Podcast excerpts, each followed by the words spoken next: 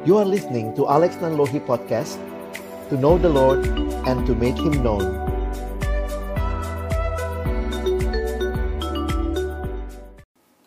Mari saya ajak kita berdoa untuk meresponi setiap perenungan yang sudah kita lakukan dan juga masuk dalam sesi yang terakhir ini. Bapa Surgawi, biarlah setiap hal yang sudah kami refleksikan secara pribadi menyadari juga kondisi kami ya Tuhan di hadapan-Mu. Kami tidak lebih baik dari orang lain. Ada hal-hal yang masih jadi kejatuhan kami, kegagalan kami. Tetapi kami pun bersyukur untuk anugerah keselamatan yang Tuhan berikan. Tolong kami meresponinya dengan baik, sehingga kami pun pada akhirnya bukan cuma pendengar firman yang setia, tapi sungguh boleh jadi pelaku-pelaku firman-Mu. Dalam nama Yesus, kami menyerahkan bagian yang terakhir dari perenungan akan firman-Mu. Amin. Teman-teman yang dikasihi Tuhan, dalam bagian terakhir ini Kak Alex secara cepat saja akan sharingkan apa yang tadi juga sudah kalian secara pribadi di dalam self retreat refleksikan ya. Sesi yang terakhir ini the fire of the desire. Kalau yang rusak itu mereknya Samsung ya tadi ya bawanya ke service centernya Samsung. Kalau yang rusak itu iPhone, bawanya ke service center iPhone begitu ya. Kalau yang rusak itu hati kita, yang tadinya harusnya desire for holy things, which is God Himself, sekarang menjadi unholy desires, maka bawalah hati kita kepada Tuhan. Dan Tuhan adalah sang pembuat hati, dia sanggup juga mereparasi, membaharui hati kita. Tetapi Tuhan punya cara. Dan sekarang kita harus belajar caranya Tuhan seperti apa? To put back again the fire of the desire. Karya keselamatan semata-mata adalah anugerah Allah, bukan perbuatan baik kita. Ini sangat membedakan teman-teman karena di sekitar kita ketika manusia hatinya rusak, agama-agama, kepercayaan-kepercayaan menawarkan lakukan sesuatu, perbaiki hatimu, perbaiki hatimu. Nggak begitu. Di Alkitab kita, kita diingatkan bahwa kita tidak bisa menyelesaikan masalah kita sendiri. Karena itulah kita melihat anugerah Allah karena begitu besar kasih Allah akan dunia ini sehingga ia telah mengaruniakan anaknya yang tunggal. The way for the this reparation ya, the, this renewal. Caranya bukan dirimu, no. Tetapi Allah mengaruniakan anak yang tunggal supaya setiap orang yang percaya kepadanya tidak binasa, melainkan beroleh hidup yang kekal.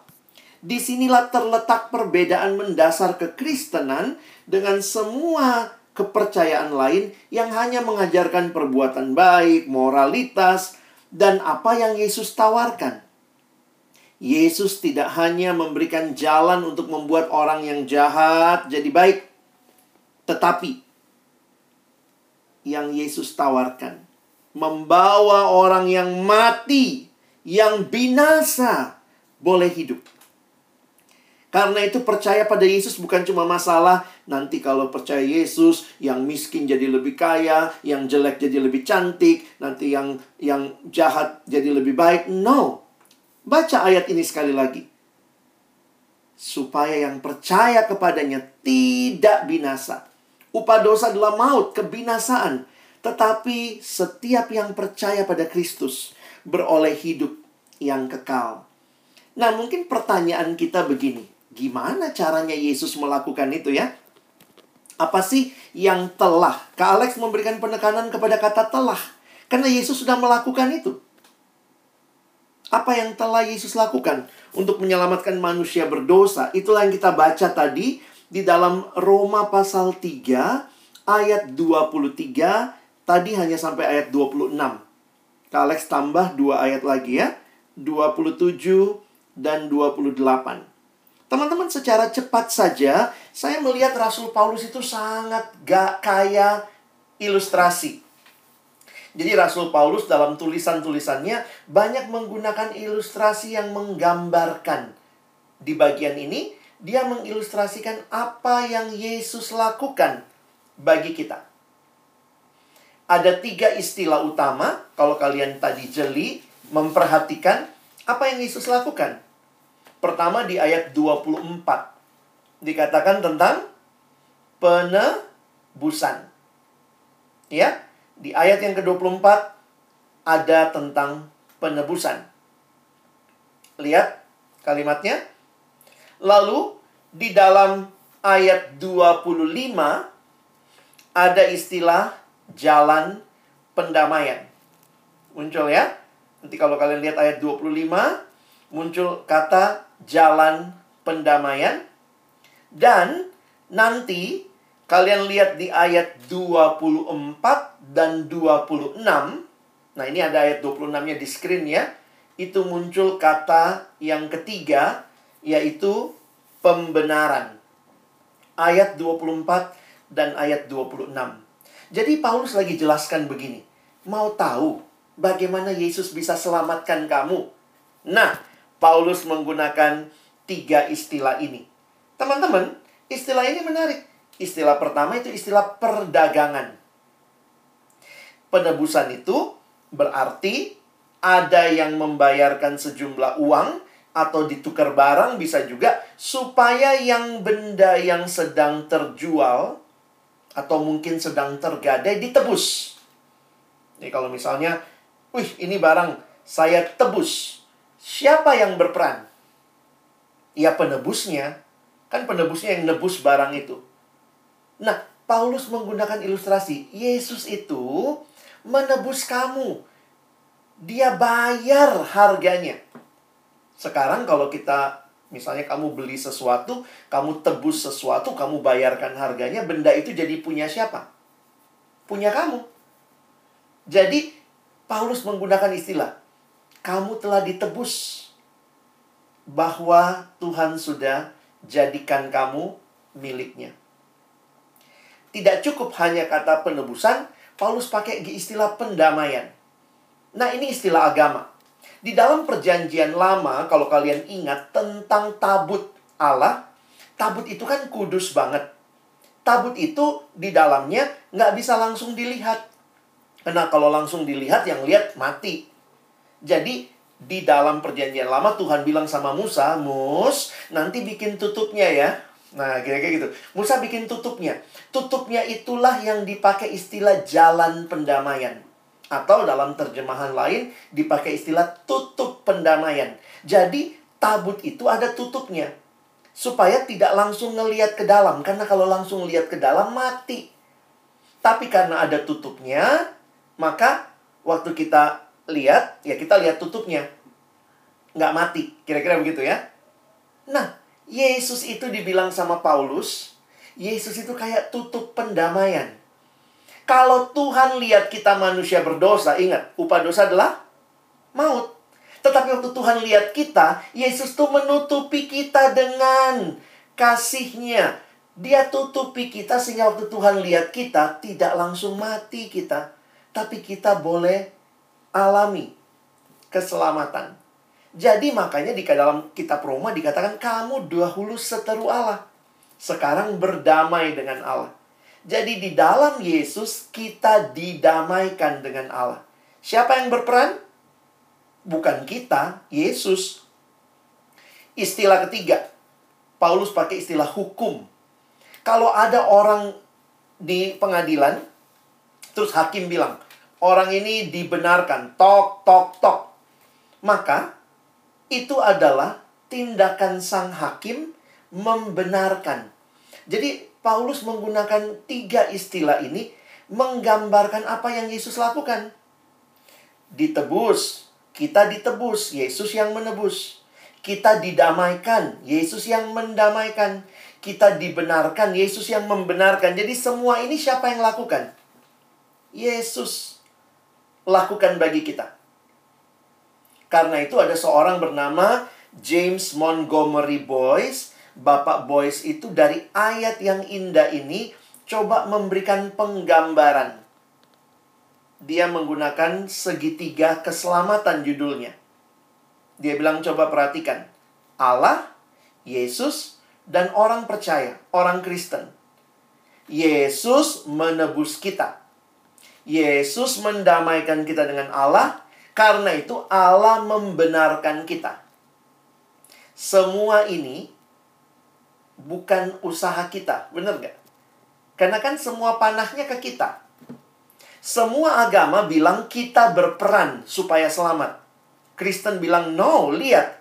Yang membuat engkau dan saya bisa selamat ini anugerah Allah. Penebusannya Yesus yang lakukan, pendamaiannya juga, pembenarannya juga. Karena itu keselamatan bukan apa yang saya lakukan bagi Tuhan, tapi apa yang Tuhan Kristus lakukan bagi kita. Karena itu Paulus tutup dengan kalimat ini.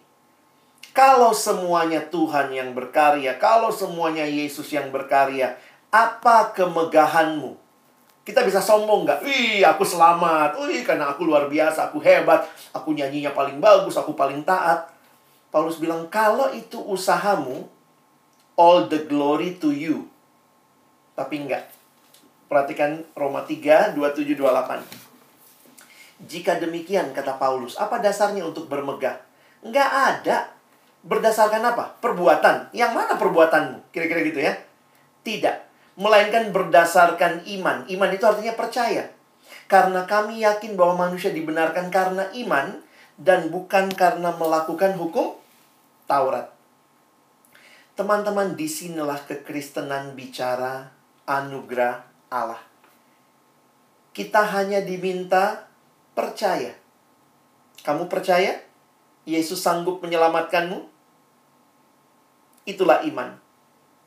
Paulus berkata, "Yes, aku telah dibayar lunas." Petrus berkata, Aku telah ditebus. Dia pakai istilah buat jemaat. Kamu tahu, kamu telah ditebus dengan apa? Dengan darah yang mahal. Karena itu, Paulus ingatkan, kamu udah ditebus, dibayar mahal dengan darah Kristus. Bisa nggak sekarang kita punya tujuan hidup yang baru? Punya fire desire yang menyala-nyala ketika Tuhan sudah baharui hati kita. Seperti Paulus bilang, saya bukan orang yang sembarang lari, sembarang memukul petinju, tetapi dia sudah punya tujuan dalam hidupnya. Ketika engkau dan saya jatuh dalam dosa, Tuhan tidak berhenti dan meninggalkan kita. Dia menyelamatkan kita. Apa respon kita? Teman-teman, ini masanya GPS ya. Posisi katanya sangat penting. Karena itu Kak Alex di akhir dari seluruh rangkaian pembahasan ini ingin menantang kalian. Di mana posisimu sekarang? Kamu masih di dalam dosa? Unholy desire? Ataukah kamu mau buka hatimu untuk menerima Yesus, mengalami di dalam Kristus? Buka hati terima Yesus. Jadikan dia yang utama. Tuhan, I want to know you more. I want to desire you more and more in my life. Apa artinya terima Yesus? Dalam pergumulan iman saya, saya akhirnya menyadari ada dua hal ya. Terima Yesus itu berarti percaya. Percaya sungguh-sungguh bahwa cuma Yesus juru selamat kita. Nggak ada juru selamat lain. Percaya. Percaya tuh kayak gini ya Kayak anak yang menyerahkan diri kepada bapaknya sepenuhnya.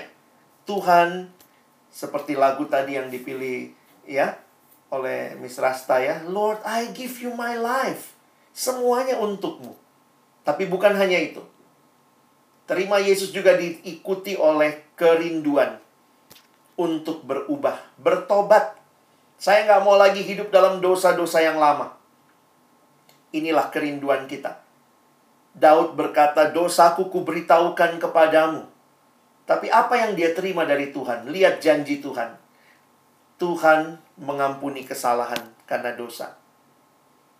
Sekarang siapa sutradara hidupmu? Let God direct your life story. Oh, bukan lagi hidup seperti dunia. This is not my story, my Lord, but this is your story. Terima kasih Tuhan sudah melibatkan saya. Karena itu saya mau ikut kehendakmu. Bukan ikut dunia. Bahkan mau hidup berbeda dengan dunia. Teman-teman yang dikasihi Tuhan, kiranya bagian firman Tuhan ini kembali menyegarkan kita untuk kita tidak tinggal terus dalam dosa. Tapi mari kita hidup benar. Hidup di hadapan Tuhan. Sebagai bagian terakhir, izinkan ke Alex menyampaikan pertanyaan yang teman-teman tolong jawab secara pribadi. Adakah engkau yang hari ini dengar firman dari sesi pertama, kedua, ketiga dalam self retreatmu tadi yang berkata Tuhan di sini saya. Saya rindu dibaharui lagi dengan hati yang berkobar-kobar untuk Tuhan, bukan untuk hal lain. Dan hari ini saya mau buka hatiku. Terima Yesus sebagai satu-satunya Tuhan dan Juru Selamat dalam hidupku. Ada orang-orang yang sudah mendoakan kalian. Ada Bapak Ibu Guru. Orang-orang yang mengasihi kalian. Tetapi mereka pun tahu bahwa kamu harus datang kepada Sang Juru Selamat. Itulah yang menjadi kehidupan yang membawa pembaharuan. Karena itu pada hari ini Kalex rindu semua kita tunduk kepala di hadapan Tuhan. Pada waktu kita tunduk kepala di hadapan Tuhan, saya mohon kita semua tenang.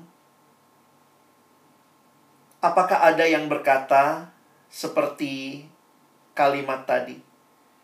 Tuhan di sini saya. Saya tidak mau hidup lebih lama dalam dosa, dalam unholy desire.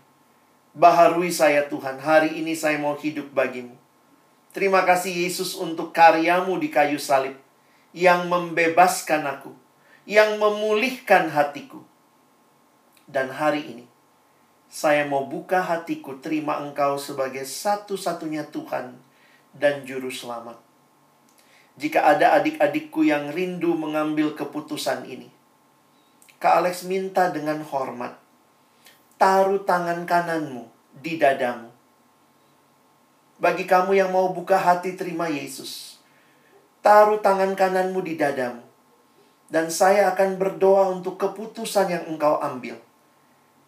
Biarlah di hadapan Tuhan, kita benar-benar membuka diri. Jika masih ada yang mau ambil keputusan terima Yesus pada siang hari ini. Sebelum saya berdoa menutup saya mohon jika Tuhan menggerakkan engkau. Saya mau buka hatiku. Saya tidak mau lagi hidup lebih lama dalam dosa. Saya mau hidup bagi Tuhan. Saya mau menikmati kepuasan sejati di dalam Tuhan. Taruh tangan kananmu di dadamu. Kak Alex akan mendoakan keputusanmu. Bapa Surgawi, terima kasih untuk keselamatan di dalam Kristus. Terima kasih untuk karya keselamatan yang kekal, yang membawa kami yang mati di dalam dosa, boleh hidup di dalam Kristus.